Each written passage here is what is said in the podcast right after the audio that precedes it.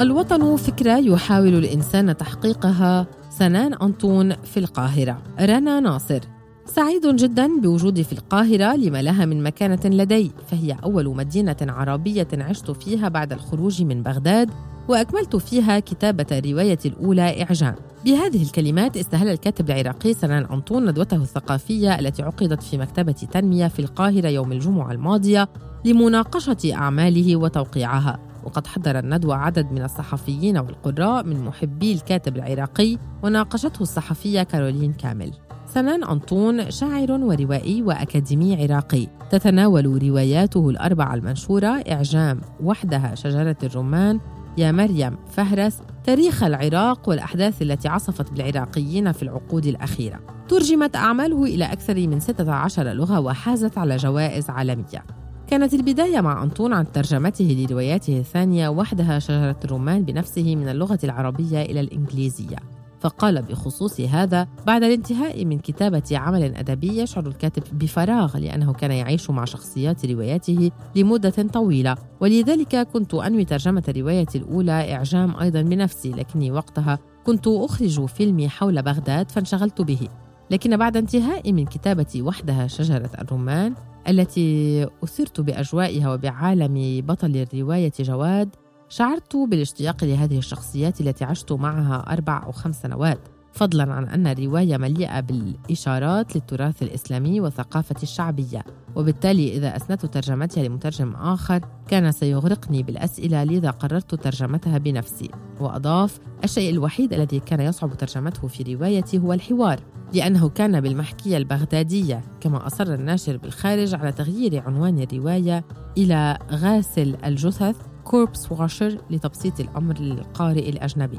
أخذنا حديث سنان أنطون خلال ندوته عن كيفية اختيار عناوين أعماله فيقول من الكتاب الذين ألهموني في حياتي محمود درويش وسركون بولس وكانت عناوينهم مميزة فالعنوان لابد أن يكون جذابا ويبلور قدر الإمكان مناخ الرواية مثل عنوان رواية فهرس الذي يتضح فيه افتتاني بتراث السرد العربي كما أن فهرس لها معاني كثيرة تلائم فكرة الرواية وعندما أجد العنوان المناسب أستقر عليه ولا أغيره.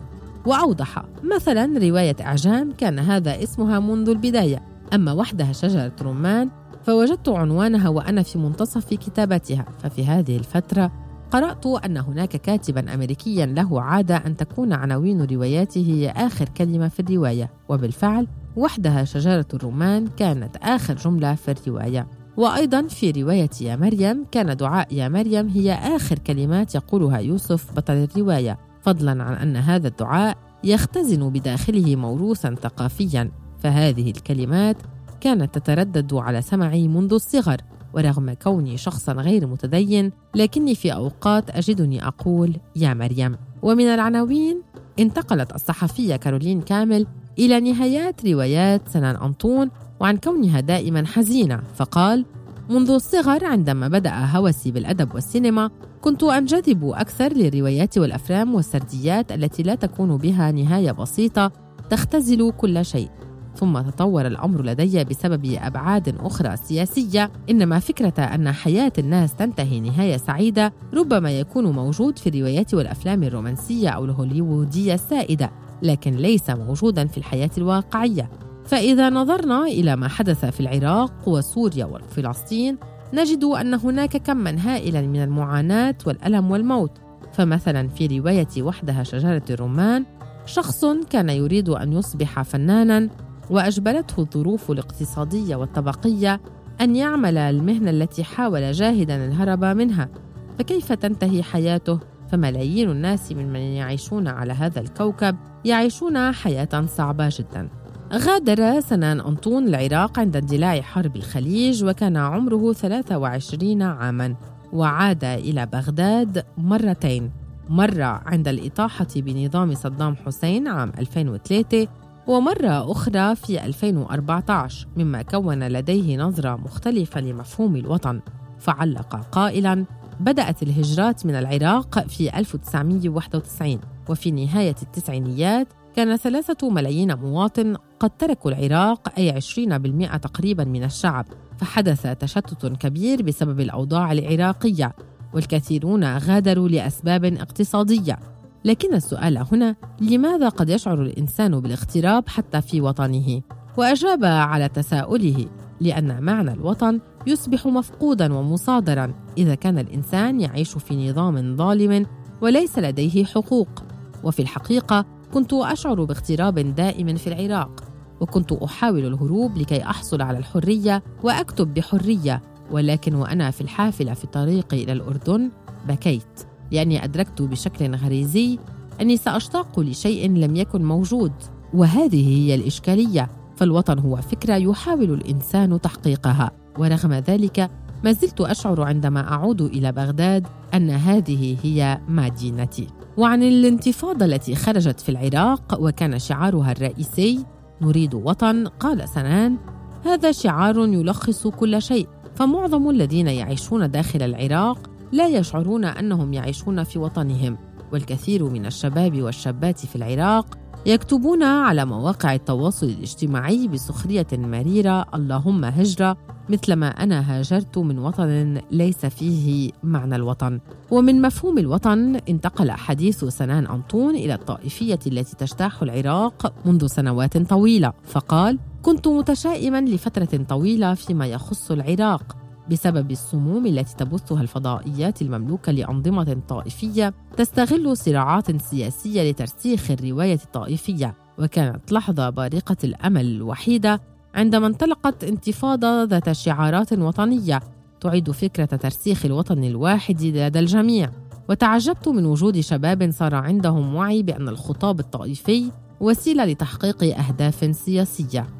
أعرب سنان أنطون خلال ندوته عن رأيه في ورش الكتابة الإبداعية قائلاً: أنا ضد ورش الكتابة، بالطبع لابد أن يستفيد من يرغب في الكتابة من نصائح بعض الكتاب الذين لديهم تجربة، لكننا نعيش في دول بها عشرات من ورش الكتابة، على الرغم أنه من الصعب أن تصبح الكتابة مصدر رزق، وهذه هي الإشكالية. قبل أيام قرأت لكاتب جملة تلخص ما أريد قوله وهي يمكن أن يتعلم المرء لكن لا يمكن أن تعلم الكتابة الإبداعية وعن طقوسه في الكتابة فليس لديه طقوس أو روتين خاص بالكتابة سوى الاستماع إلى الموسيقى حتى لو ليس لديه الفكرة التي سيكتبها. تلهمني الموسيقى لإنتاج فكرة جديدة للكتابة كما قال. أما العمل الأدبي القادم لسنان أنطون فيتناول تجربة اللجوء والهجرة التي تتغير على حسب الانحدار الطبقي. وبحسب التعليم والوضع الاقتصادي. وكيف تتغير وتتضارب فكرة الوطن شارحا؟ هناك الكثير من المهاجرين الذين يصلون إلى بلد الهجرة ويحاولون محو البلد الأصلي واستئصاله من داخلهم. فتدور الروايه حول شخصية تحاول محو الماضي والبدء في حياة جديدة تتقمص خلالها هوية جديدة لكي تبتعد عن كل الصراعات كما تتعرض الرواية للصراعات بين المظلوميات المختلفة. وجدير بالذكر أن الرواية عنوانها حتى الآن هو خزامة.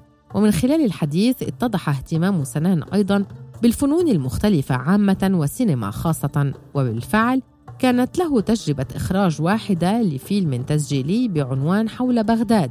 فسألناه هل كان مقصودا صناعة فيلم للتأريخ للعراق أم أن الفكرة كانت وليدة لحظة الرغبة في الإخراج؟ فصرح سنان لرصيف 22 المفارقة أنني وأعز أصدقائي في الولايات المتحدة وهو صديق لبناني كنا نرغب في عمل فيلم كوميدي عن إشكاليات الجالية العربية في أمريكا مثل العنصرية بما أننا جزء منها لكن ما حدث أنه في عام 2002 بدأ التحضير لغزو العراق في الولايات المتحدة وكانت هناك طريقة سخيفة ومختزلة صور بها الإعلام الأمريكي تاريخ العراق ومحو تاريخ تورط أمريكا في دعم صدام حسين وتحويل موضوع غزو وحرب وتدمير بلد لمعادلة بسيطة وهي أن هناك ديكتاتورية وأمريكا تحاول تحرير الشعوب من الديكتاتوريات. وحين ذلك قل ما كان يسمع أو يقرأ صوت عراقي في المنابر الأمريكية يقول أنا ضد الديكتاتورية ولكني لا أريد أن تؤذي بلدي. وأضاف بجهود بسيطة جمعنا المال وذهبنا إلى العراق وصورنا لمدة ثلاثة أسابيع. نتحدث فيهم مع عراقيين من مختلف الطبقات والخلفيات والاتجاهات السياسية. وسألناهم عن رأيهم في الدكتاتورية وفي الولايات المتحدة وكنا ننوي الذهاب إلى أماكن أخرى في العراق لو كان لدينا المزيد من المال.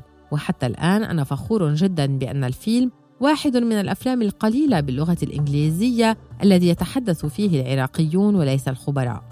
كما سألناه عن إذا كان ينوي تكرار تجربة العمل السينمائي مرة أخرى أم لا فقال في الصغر كان لدي حلم أن أصبح فنانا شاملا وأقدم أفلاما ومسرحيات وأصبح فنانا تشكيليا وما زالت لدي أمنية أن تتحول الروايات إلى أفلام لكن الجميع يعلم جيدا أن السينما لها علاقة بسوق رأس المال وهذا يعني أنه لابد من البحث عن منتجين وممولين ليساهموا في الفيلم دون تدمير الفكرة. فالكثير من الروايات التي تتحول إلى أفلام تمسخ وبسبب انشغالي في كتابة الروايات والعمل الأكاديمي لم تسنح لي فرصة تكرار التجربة ثانية.